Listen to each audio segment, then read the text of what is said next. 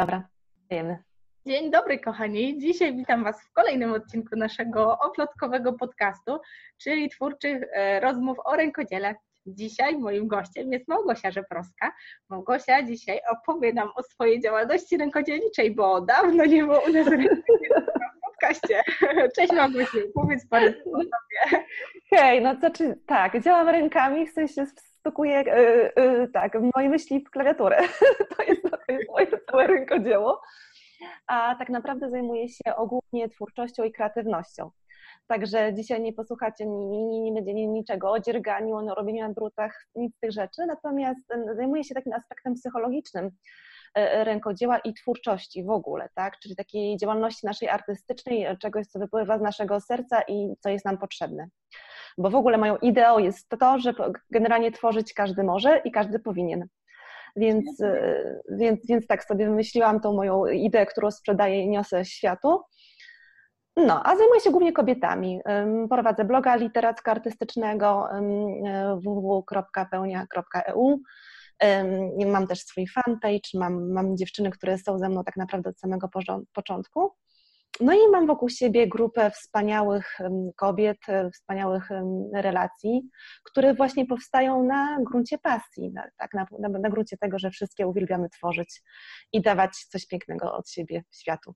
Świetnie. Małgosiu, ja oczywiście zaraz będę Cię męczyła o tym, e, jak można współdziałać, bo już przed, przed rozmową pogadałyśmy sobie trochę o idei mastermindu, ale nie byłabym z Tobą, gdyby nie pociągnęła Cię za język e, o tych właśnie psychologicznych aspektach rękodzieła, bo dla nas wszystkich, tak. które gdzieś tam to robimy, to czy to zadziało się odruchowo, czy całkowicie świadomie, wiemy, że przynosi nam to taką ulgę od codzienności, ja sama z powodzenia łączę pracę i rękodzieło w jednym i nie kryję, że te gorsze i mniej atrakcyjne aspekty pracy, jak na przykład siedzenie godzinami przed komputerem, no to tak. jednak są równoważone przez to te właśnie fajniejsze, czyli na przykład projektowanie nowych wzorów, czy po ludzku dzierganie tam tle widać moje Dokładnie, dokładnie.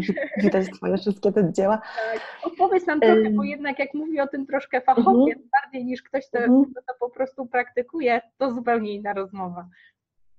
E, tak, to znaczy tak, może e, mm, nie tyle jestem fachowcem takim sensu stricto, tak, ale e, bardziej chodzi o to, że ja dużo rzeczy zauważyłam na własnej drodze twórczej, tak, czyli to wszystko wynika z praktyki, a jednocześnie oczywiście jest poparte badaniami naukowymi, tak, fachowymi. Wielu psychologów docenia ten twórczy aspekt codzienności i, i wielu rzeczywiście namawia do tego, żebyśmy w naszym, w naszym codziennym życiu go jak najbardziej no, stosowały, tak? Czyli, czyli rzeczywiście y, miejsce na twórczość powinno y, być wydzielone z naszej codzienności. Stąd w ogóle jest nazwa tego mojego bloga pełnia, tak? Że ta twórczość, czy ten artystyczny aspekt pięknie nam dopełnia y, codzienność. No i przy okazji, zupełnie właśnie nieświadomie, czy też podświadomie, powoduje różne emocjonalne, przyjemne stany w nas, tak? Czyli mamy tutaj przede wszystkim znane pewnie Wam e, twórczyniom e, aspekty flow, tak? czyli takiego tak. zatracenia się w, w czynności, która nam sprawia przyjemność, która to e, działa tak naprawdę jak narkotyk, ponieważ podczas tego zatracenia wydziela się nam serotonina, tak? czyli jeden, jeden z hormonów szczęścia. I to jest pierwszy taki jakby najbardziej bezpośredni aspekt związany z twórczością. Dzięki, dzięki tej serotoninie możemy naprawdę zapomnieć, czy też może nie tyle zapomnieć, a oswoić trudniejsze momenty naszego życia. Dokładnie. Więc to jest, to jest po prostu super i to jest fantastyczne i to jest coś, co kosztuje tak naprawdę bardzo, bardzo mało. E, jednocześnie jest bezpieczne, tak, bo to nie jest żaden narkotyk, e, a jednocześnie też jakby nas, no, uwalnia nas, tak ponieważ no, my kobiety, tak, szczególnie już w takim okresie życia, kiedy mamy no, jakieś tam życie rodzinne, dzieci, męża, jakieś problemy zawodowe, bardzo, bardzo potrzebujemy takiego wyzwalacza energii, pocieszacza i jednocześnie reduktora stresu. Mm, bo tak, flow to, jest po, pierwsze właśnie mamy, mamy do czynienia z tym flow, to jest pierwszy aspekt.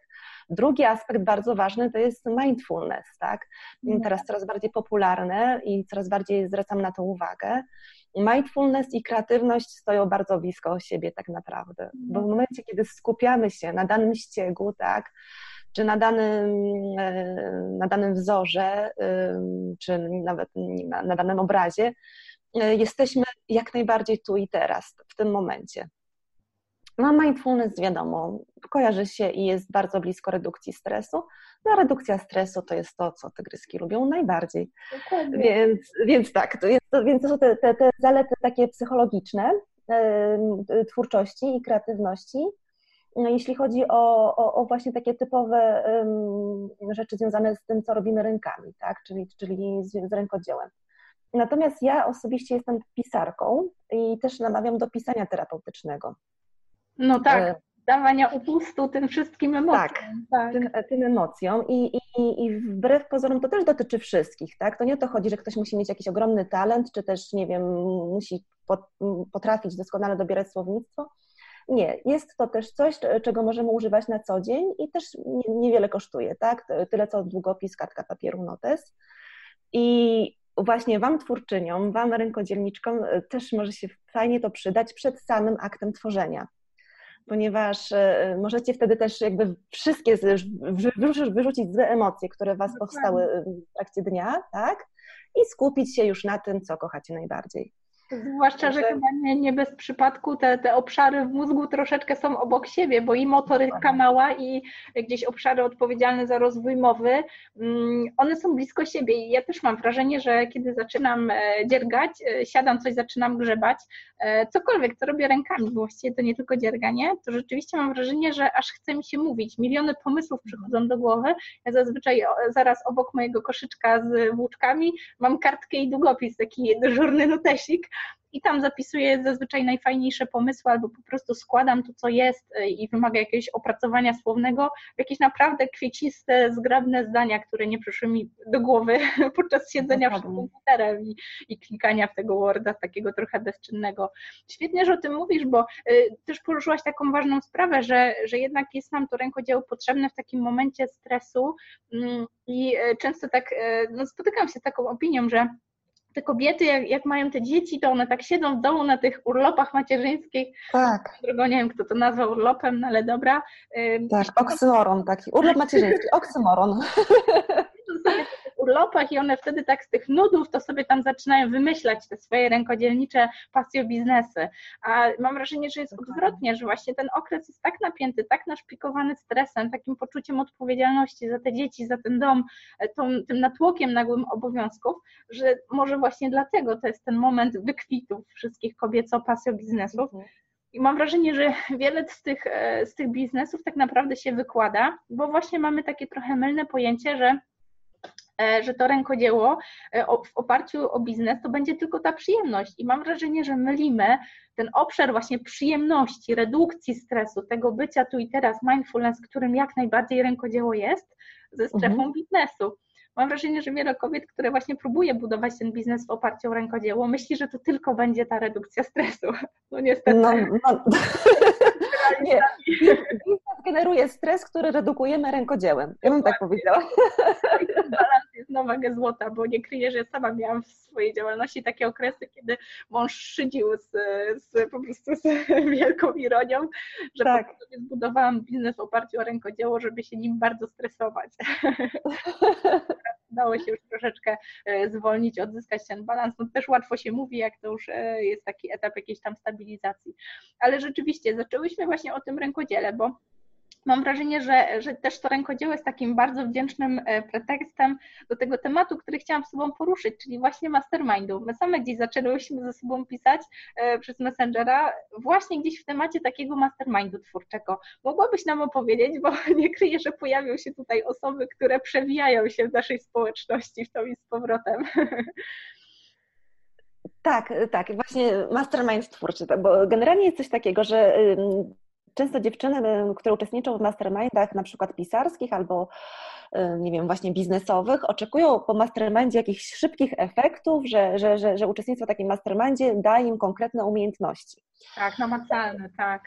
Tak, takie namacalne, dotykalne, tak, i, i, i, takie, które będą mogły od razu wdrożyć. Natomiast ja tworzę, czy też werbuję dziewczyny do mastermindu, odkryj swój potencjał twórczy w pełni. I o co chodzi? Chodzi o to, że często właśnie zajmując się techniką, zajmując się biznesplanem, zajmując się nim kosztorysem, zapominamy o tych bardzo ważnych aspektach psychologicznych twórczości, tak? Czyli tak. po co ja to tak naprawdę robię, co ma mi to dać i kogo chcę wokół siebie skupić. E, I często tak jest, że na przykład dziewczyny mm, są mega kreatywne. W ogóle ja podziwiam nas kobiety i, i, i szapoba dla nas wszystkich, które potrafimy to wszystko jakoś pięknie połączyć w jedną całość, w tą pełnię moją. Mm, I to, i to jest mega, mega ważne ale e, przy tym pamiętam o moich błędach, jakie popełniałam na początku mojej działalności blogersko, e, właśnie takiej fanpage'owej, tak, na początku tego, kiedy chciałam rzeczywiście ogłosić światu, że tak, ja jestem pisarką, tak, ja chcę pisać, tak, ja param się taką działalnością y, artystyczną. Chodzi o to, że mamy olbrzymią ilość pomysłów, które to tak. pomysły y, należy w jakiś sposób mm, przyciąć, tak, przykroić do, do modelu, jakim jest działalność w sieci, tak. Działalność w sieci, tak jak powiedziałaś, to nie są same kwiatki, to nie są same ochy i jachy, tak, zbierane tak, komplementy. Tak, to jest, to jest też tak ciężka, mozolna praca, tak? I, i, I często osoby, które właśnie są na macierzyńskich, tak, dziewczyny, y, myślą sobie, kurczę, pójdę, zrobię sobie bloga, tak? Nie wiem, nawet zapłacę komuś, czy ustawię sobie sama bloga i będę miała w ogóle od razu milion fanów, tak? Bo jest takie mylne pojęcie, że, że, że blogowanie, czy też czerpanie korzyści z tej działalności to jest po prostu no, no sam miód, tak? Tak, i że po prostu, nie wiem, napiszę piękne opowiadanie, bo akurat um, uczestniczki mojego pierwszego mastermindu to wszystko było osoby piszące. Napiszę piękne opowiadanie, którym w ogóle zachwyci się świat i zaraz będę miała, nie wiem, prośbę o napisanie do jakiegoś e, większego medium, tak? No tak to nie wygląda. Dlatego przede wszystkim e, na takim mastermindzie skupiamy się na tym, żebyśmy mogły sobie wzajem, nawzajem dać wsparcie, tak? I to jest takie wsparcie, które e, jest unikalny, ponieważ e, no, no, tylko my, my artystki, tak, czy my osoby twórcze wiemy tak naprawdę z, z czym się zmagamy, tak. Czyli najpierw dajemy sobie nawzajem wsparcie, tak, y, ogłaszamy jakby w obecności innych osób, że tak, ja chcę tworzyć, tak, jestem artystką, ponieważ y, słowo artystka przez wielu jest uważane generalnie za brzydkie słowo, tak, artystka to jest leń, obibo, który coś tam sobie dłubie gdzieś, nie? Tak, jeszcze bałaganiarz, tak? Bo... No, no, oczywiście. Zdecydowanie bałaganiarz. Natomiast ja jakby tak y, próbuję w, dziew w dziewczyny wlać taki, taką iskrę tego, że kurczę, jesteś artystką, więc jesteś osobą unikalną, tak? Bo wcale nie ma tak wielu tak. artystów. Dokładnie. Jesteśmy w tych, w tych, naszych bańkach, jesteśmy pozamykane i nam się wydaje, wow, kreatywność to jest, to jest rzecz, która od tak nam przychodzi, tak? Ja chcę im powiedzieć, że nie, ty masz dar, ale tym darem trzeba się zaopiekować, tak? Trzeba z tego diamentu wykroić piękny brylant. Więc na tym polega moja praca na, na, na, na tym mastermindzie i, i to chcę dziewczynom uświadomić. Po pierwsze, że, że to jest dar i że trzeba, jako, skoro to jest dar, to trzeba go szanować, a po drugie właśnie, żeby znalazły swoją własną ścieżkę wyrazu, tak? Bo na przykład się czasami okazuje, że dziewczyna, która pięknie e, pisze, równie pięknie maluje. Jak to połączyć? Jak, jak zrobić z tego jedną y, piękną całość? I również jak nie zrezygnować z tej twórczej drogi to jest jeszcze kolejny aspekt, ponieważ my też sobie obiecujemy pewne rzeczy na tym mastermindzie, tak? Sobie samym oczywiście. Tak.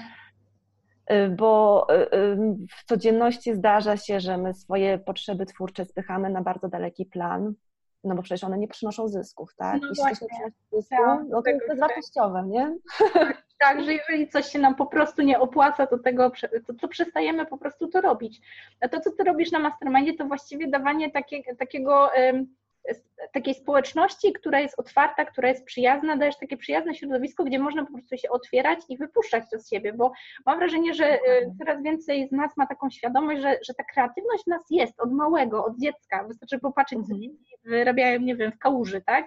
I mhm. my tą kreatywność w jakiś sposób no, zabijamy, albo jest w nas zabijana gdzieś przez to środowisko zewnętrzne i mam wrażenie, że jest zabijana dlaczego? Bo to środowisko staje się coraz mniej przyjazne, tak? W przedszkolu to tam tak. jeszcze trochę nam pobłażają, jeszcze jak dzieci trafiają na jakieś Montessori, no to w ogóle mają szczęście. Tak. No ale później wpadają gdzieś tam w szpony systemu szkoły, jeżeli rodziców nie stać albo po prostu nie mają czerwca na homeschooling, no to po prostu sukcesywnie ta kreatywność jest zabijana Moim zdaniem między innymi przez to, że jest coraz mniej takie przyjazne, tolerancyjne, otwarte środowisko. A ty właśnie to robisz, dajesz otwarte, tak, przyjazne tak, tak. środowisko i wtedy ta kreatywność tak na, na nowo może wybuchać, prawda? Mm, dokładnie, to, to, to, bardzo ważne, że poruszyłaś aspekt edukacji, który ja też podczas mastermindu poruszam. Ja jestem e, filolożką angielską i pedagogiem z wykształcenia, e, uczyłam wiele lat dorosłych i doskonale znam nasze zahamowania, tak, które, tak jak powiedziałaś, one nie są naturalne dla nas. Naturalnym stanem człowieka jest stan pełnej kreatywności, tak? To jest ten stan właśnie takiego przedszkolaka. Właśnie mam, mam w domu dwóch przedszkolaków, więc, więc, więc, więc widzę Łączy to... Się bólu. Także, także tak to wygląda, że właśnie wtedy dzieciaczki są najbardziej kreatywne, ale dlatego, że ich, nikt ich jeszcze nie oceniał, tak? Nikt nie, nie, nie powiedział, że y, praca plastyczna, którą wykonałeś jest niestaranna, tak? I siadaj dwuja, tak? Tak. W tym czasie jednak rzeczywiście panie wychowczynie w przedszkolu są rzeczywiście tak, tak wyuczone, tak? I, i że żeby, żeby tej kreatywności nie zabijać i to jest coraz, coraz fajniejsze i coraz bardziej w Polsce obecne, nie tylko w przedszkolach Montessori, na całe szczęście. Na całe szczęście. No, dokładnie, ale później mam, nie wiem, zajęcia plastyczne, zajęcia muzyczne, kiedy jak fałszujesz, mimo że kochasz śpiewać, no to sorry, no fałszujesz, no nie nadajesz się, tak? Tak. Y, nie wiem, ja, ja na przykład bardzo długo bardzo lubiłam malować i też miałam przyjazną mm, nauczycielkę, ale później jak już y, trafiłam w szpony innej pani, no to wtedy musiała mi już mama e, pomagać, pomagać tak, to było na tyle fajne, nie, nie można było się już tak otworzyć. Mam wrażenie, że w mojej drodze też to tak wyglądało, że jakby ym, też na pewnym etapie, pomimo, że jakby od małego uwielbiałam grzebać, dłubać, malować, rzeźbić, do dzisiaj gdzieś tam znajduję e, po szafach u babci jakieś jeszcze swoje stare prace. Ym, no i później jak już poszłam do szkoły podstawowej, no to jeszcze kółka plastyczne jeszcze jakoś się trzymałam, ale już ogólnie, no już trzeba było myśleć, jaki profil, żeby z myślą o studiach i tak dalej. I na studia, pomimo, że gdzieś tam od samego początku marzyłam o architekturze, po prostu z czystego praktycyzmu i tych ciągłych głosów, nie, no z tego się nie utrzymasz, no bo jak i tak dalej, no to też poszłam na filologię, więc tu mamy wątek wspólny, bo też zaczynałam swoją przygodę z edukacją wyższą e, jako filolog. I dopiero w pewnym momencie, kiedy miałam już te podstawy, czyli mhm. zarabiałam, tak, były te pieniądze, się okazało, że czegoś mi naprawdę mocno brakuje. I to była właśnie ta ekspresja twórcza. No i już na tych drugich studiach, tak, znaczy drugich na architekturze to eksplodowało. No ale żeby dostać się na te studia, musiałam cofnąć się do etapu nauki rysunku, który właściwie gdzieś tam uległ niesamowitemu regresowi. Bardzo dobrze wspominam ten czas, bo gdzieś tam zarabiając już jako anglistka, e, płaciłam po prostu za zajęcia rysunku, po to, żeby móc mhm. się dokształcać do, z celem po prostu zdania egzaminu na architekturę. Mhm. Bardzo dobrze wspominam ten okres, ten właśnie okres, kiedy to ja byłam najstarsza w grupie, to sami nastolatkowie, z mega otwartymi głowami, z takim, mhm. z takim zerowym strachem przed porażką. Ja, dorosła baba, która wiecznie się stresuje, że któraś tak. stresek jest nie tak jak trzeba no i tak naprawdę to ten prowadzący, który wiedział, co robi i potrafił twórczo otworzyć, właśnie nie krytykować, zachęcać, e, uczyć popełniania błędów, bo to każdy błąd prowadzi do sukcesu. Tak. Rzeczywiście, świetnie sobie to chwalę i sam fakt, że masz niesamowite narzędzia i możesz to robić właśnie na odległość, możesz to robić cyfrowo w postaci tak. mastermindu, tak. czy właśnie takich spotkań jak dzisiejsze. No właśnie na ostatnim byłam, e, na, na moim ostatnim mastermindzie uczestniczką była dziewczyna z Norwegii, tak, także to jest w ogóle super, super sprawa i fajnie, że możemy takie rzeczy tworzyć właśnie w internecie i w ten sposób siebie, siebie nawzajem integrować. No i też takim plusem tego, tej działalności online jest to, że moje wszystkie master, nie wiem jak to powiedzieć, uczestniczki mastermindu, już chciałam jednym tak. słowem, ale chyba się nie da. Właśnie trzeba jakieś słowo na to wymyślić, masterminder, tak.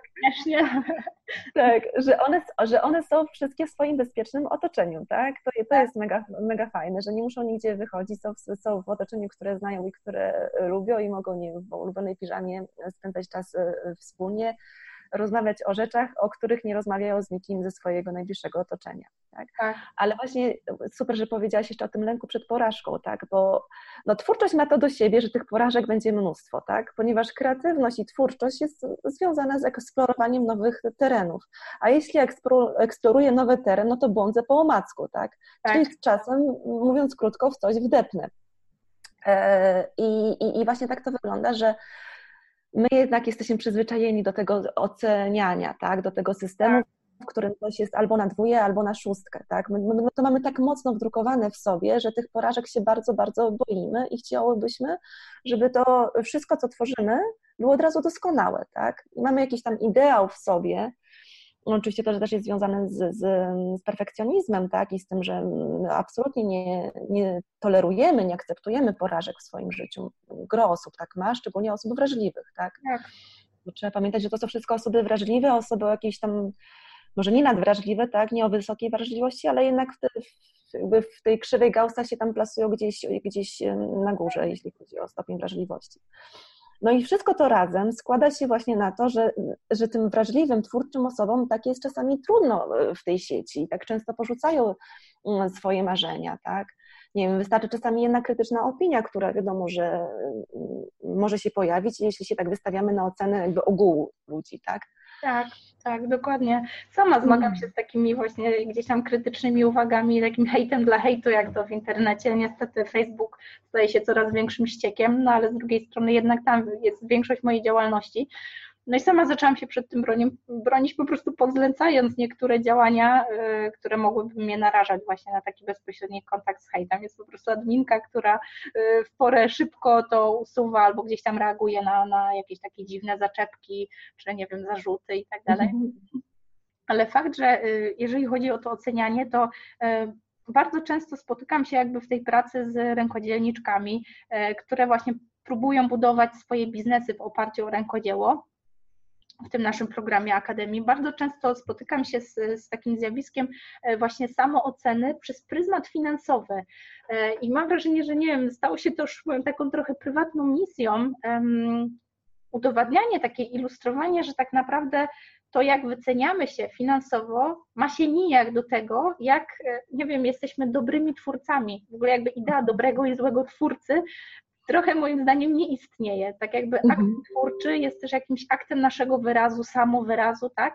I komu i jak oceniać to, jak my się czujemy ze swoją twórczością, czyli jakby ważniejszy jest proces niż produkt. Ważniejszy Dokładnie. jest jakby ten wyraz, y, takie puszczenie tych hamulców i gdzieś tam szukanie swojej drogi, niż sam efekt. I mam wrażenie, że właśnie y, to jest taka podstawowa rzecz, której próbuję uczyć, że jeżeli chcesz robić biznes, no to wtedy mówimy o pieniądzach, mówimy o biznesplanie, mówimy o wycenianiu produktów, mówimy o tym, ile on powinien kosztować, a może kosztować najróżniejsze pieniądze w zależności od marketingu, tak? A tak jeżeli jest. mówimy o twórczości, o tym akcie twórczym, o, o jakby Twojej potrzebie twórczej, to wkraczamy już w zupełnie inną strefę i tu biznes ma nic do rzeczy. To Dokładnie. Jest tak? Dokładnie, wiesz co, właśnie super, że to podkreśliłaś, bo mam wrażenie, że niewiele osób to podkreśla w sieci, tak, bo generalnie jednak my nawet w sieci, nawet właśnie budując nasze biznesy online, jesteśmy skupione na efekcie, tak, cały czas ma być efekt, efekt, efekt, ma być tysiące sprzedanych e, produktów, tak, patrzymy, nie wiem, z podziwem na, na, na niektóre e, z dziewczyn, które w internecie brylują i, i rzeczywiście chwalą się jakimiś, nie wiem, sześcio, siedmiocyfrowymi e, kwotami. Natomiast właśnie e, to jest w zasadzie tak naprawdę, powiem Ci szczerze, że moja idea mastermindu powstała e, właśnie z, tego jednej, z tej jednej myśli, że liczy się proces, a nie efekt, tak? Tak? Że w ogóle, że w ogóle jeśli się chcesz brać za twórczość jakąkolwiek, to pamiętaj, że to proces jest kluczem do tego szczęścia, tak? I do tej radości. Że to chodzi o to, kurczę, nawet nie wiem, zrobisz jakiegoś uszytka, nie wiem, z jednym oczkiem bardziej, tak? To nie ma znaczenia, bo chodzi o to, że ty się czujesz w tym szczęśliwa, tak? Że to ci daje tą radość, to ci daje tą przyjemność. Efekt to jest rzecz tak naprawdę uboczna, tak? Do tego całego procesu. Efekt to jest coś, co rzeczywiście warto doskonalić i warto pracować nad nim, żeby był jak najlepszy, no bo też chcemy by uszczęśliwić odbiorców, tak? Dokładnie. Ale pierwszą i najważniejszą rzeczą dla każdego artysty i każdego rękodzielnika, rękodzielniczki jest to, żeby ona właśnie doceniła ten proces, tak? Bo jak doceni wartość procesu, to będzie chciała to robić więcej i dłużej, tak? Dokładnie. A jeśli, a jeśli będzie robiła dłużej, no to wiadomo, że efekt przyjdzie, nie? Dokładnie. Często mam wrażenie, że właśnie y, uczestnicy akademii, którzy przychodzą do mnie po takie, takie właśnie y, łatwe rozwiązania, jak to zrobić, żeby zarabiać na rękodziele, trochę wyobrażają sobie, że wchodząc do akademii dam im mm, magiczną receptę na to, jak y, kasować ciężkie pieniądze za ich pracę, tak? Że jakby oczekują, że ja też ocenię ich pracę pozytywnie i pozwolę, nie wiem, wycenić wysoko, żeby mogły zarabiać. A tak naprawdę ta droga wygląda zupełnie inaczej, bo budujemy najczęściej modele biznesowe w oparciu o to, czego potrzebuje rynek, czyli to, za co jest w stanie płacić a często się okazuje, że ich prace pozostają w tej sferze właśnie y, komfortu tworzenia. nie wystawiania ich na ocenę finansową tego aktu twórczego, tak? I okazuje się, że tutaj jest niby ten biznes, wiadomo, w oparciu o rękodzieło, bo często bazujemy na jakichś kompetencjach twórczych albo kompetencjach y, luźno związanych z rękodziełem, tak? Mhm. A okazuje się, że często to, z czym przychodzą dziewczyny na samym początku, co miało być tą podstawą twórczości i sprzedaży rękodzieła, czyli tego mhm. biznesu, okazuje się tą właśnie bardzo delikatną, ściśle strzeżoną i taką właśnie trochę świętą mhm. strefą mhm. relaksu, tego właśnie dawania upustu emocjom i tego odpoczynku od biznesu. Mhm. Dlaczego, dlatego moim zdaniem biznes w oparciu o rękodzieło to tak naprawdę bardzo, bardzo szerokie pojęcie, bo może się okazać, że to rękodzieło może dla nas być tylko tą formą niezwariowania w biznesie, tego mhm. szukania relaksu, szukania y, choćby osób właśnie, które lubią dziergać tak jak my. Tak. Bo możemy po prostu pogadać o biznesie w luźniejszej atmosferze, tak jak to się dzieje na przykład na warsztatach rękodzieła, szydełka, gdzie panie gdzieś tam mają mhm. kameralny networking, gadają o biznesie non-stop, mhm. chociaż przyszły podziergać i okazuje się, że to rękodzieło tak naprawdę tą funkcję biznesową może spełniać w zupełnie, zupełnie innych aspektach. Niekoniecznie musi to być sprzedaż naszych prac, Dokładnie. cały właśnie w tym procesie twórczym.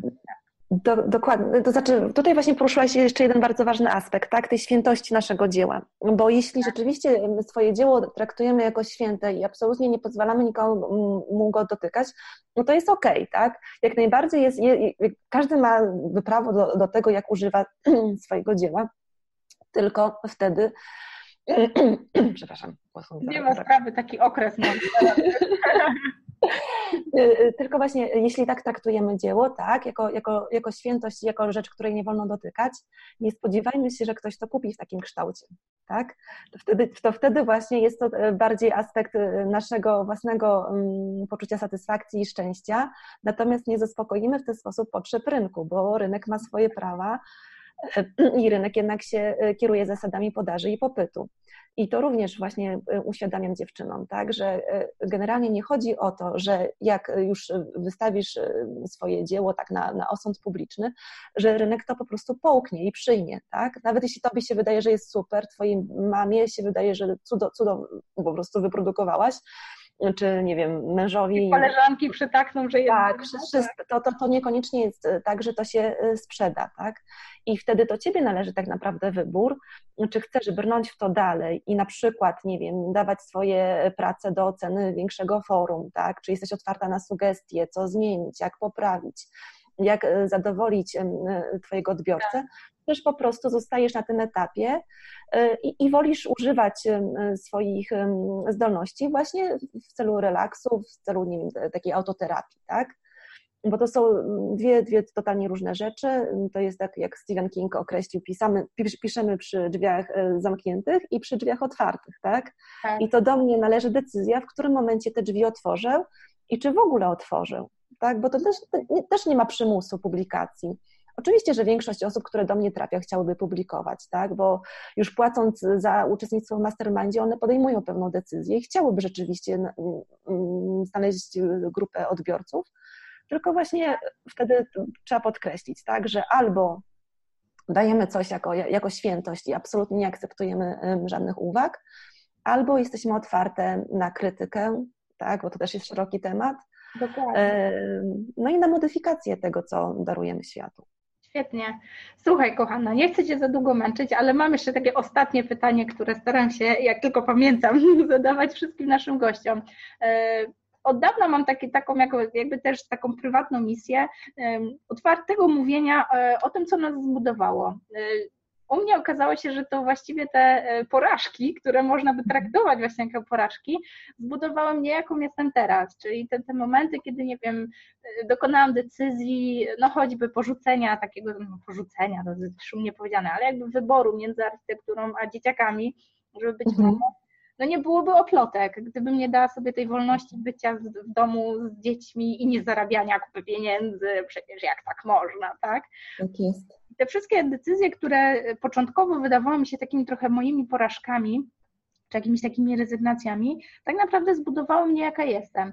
E, dlatego często moim gościom zadaję takie przewrotne pytanie, jakie są takie lekcje błędy, czy może trudne mhm. decyzje, albo takie, które wydawały się nieprawidłowe w pierwszym odruchu, a okazywały się właśnie tak z perspektywy czasu takimi najfajniejszymi lekcjami. E, czy było coś u Ciebie takiego, co właśnie skłoniło Cię do takiej głębszej refleksji, czym chciałabyś się podzielić? E, zdecydowanie, znaczy tak, no, jakby porażka e, na arenie, tak, to jest jedna z też z rzeczy, które nas bardzo, bardzo kreują, tak, to o tym mówi Bene Brown i, i jej ambasadorka Joanna Chmura, tak, że po prostu porażki są bardzo ważne, tak, bo one, one tam też jakiegoś tam wskazują kierunek. No to ja mogę przyznać otwarcie, że moją porażką, czy też rezygnacją bardziej, tak, niż porażką jest to, że mimo wszelkich y, jakby darów, które mam w sobie, mimo, mimo wszelkich talentów, również do myślenia analitycznego i, i mimo takiego, takiej wewnętrznej dyscypliny, no nie zrobiłam kariery w Warszawie. Y, także no teraz jestem na etapie takiej decyzji, podejmowania decyzji, że chyba jednak etat nie jest dla mnie, tak?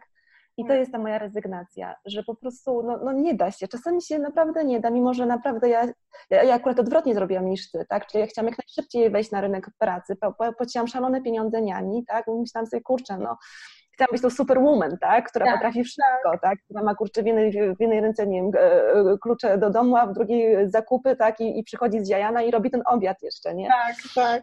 No nie udało mi się, nie udało mi się i w tej chwili jestem e, właśnie na etapie podejmowania decyzji takiej o całkowitej, o całkowitej rezygnacji z etatu. E, też piszę swoją powieść, która mam nadzieję spotka się z jakimś tam w miarę dobrym odbiorem. No i no trudno, no zobaczymy. No, coś, coś odpuściłam, żeby zrobić miejsce na coś nowego.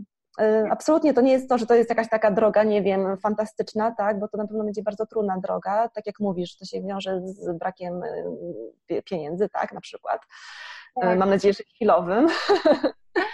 Natomiast tak, to, to, to jest taka moja też ta rezygnacja jakby wiązała się też z poczuciem porażki, jak najbardziej i z takim odbyciem żałoby, tak, bo kurczę, no jak to, ja sobie nie poradziłam, no taka zdolniacha i w ogóle. Tak, duży był taki proces w środku, żeby móc podjąć tą inicjatywę od siebie, nie? Dokładnie, tak. dokładnie. No ale, ale na razie nie żałuję absolutnie, tym bardziej, że właśnie mam wtedy okazję na takie świetne rozmowy z, z fajnymi kobietami, na budowanie naprawdę fajnych, głębszych takich relacji. No i zobaczymy, jak to będzie. No. Świetnie. Czas pokaże. Mam wrażenie, że będę musiała, na pewno będę musiała Cię zaprosić do podcastu za jakiś czas, kiedy już będziemy sobie wspominać tą rozmowę z taką, wiesz, łezką w oku, jak wtedy jeszcze miałam ciężko po tej decyzji rzucenia etatu. E, no, no, możemy tak zrobić tak?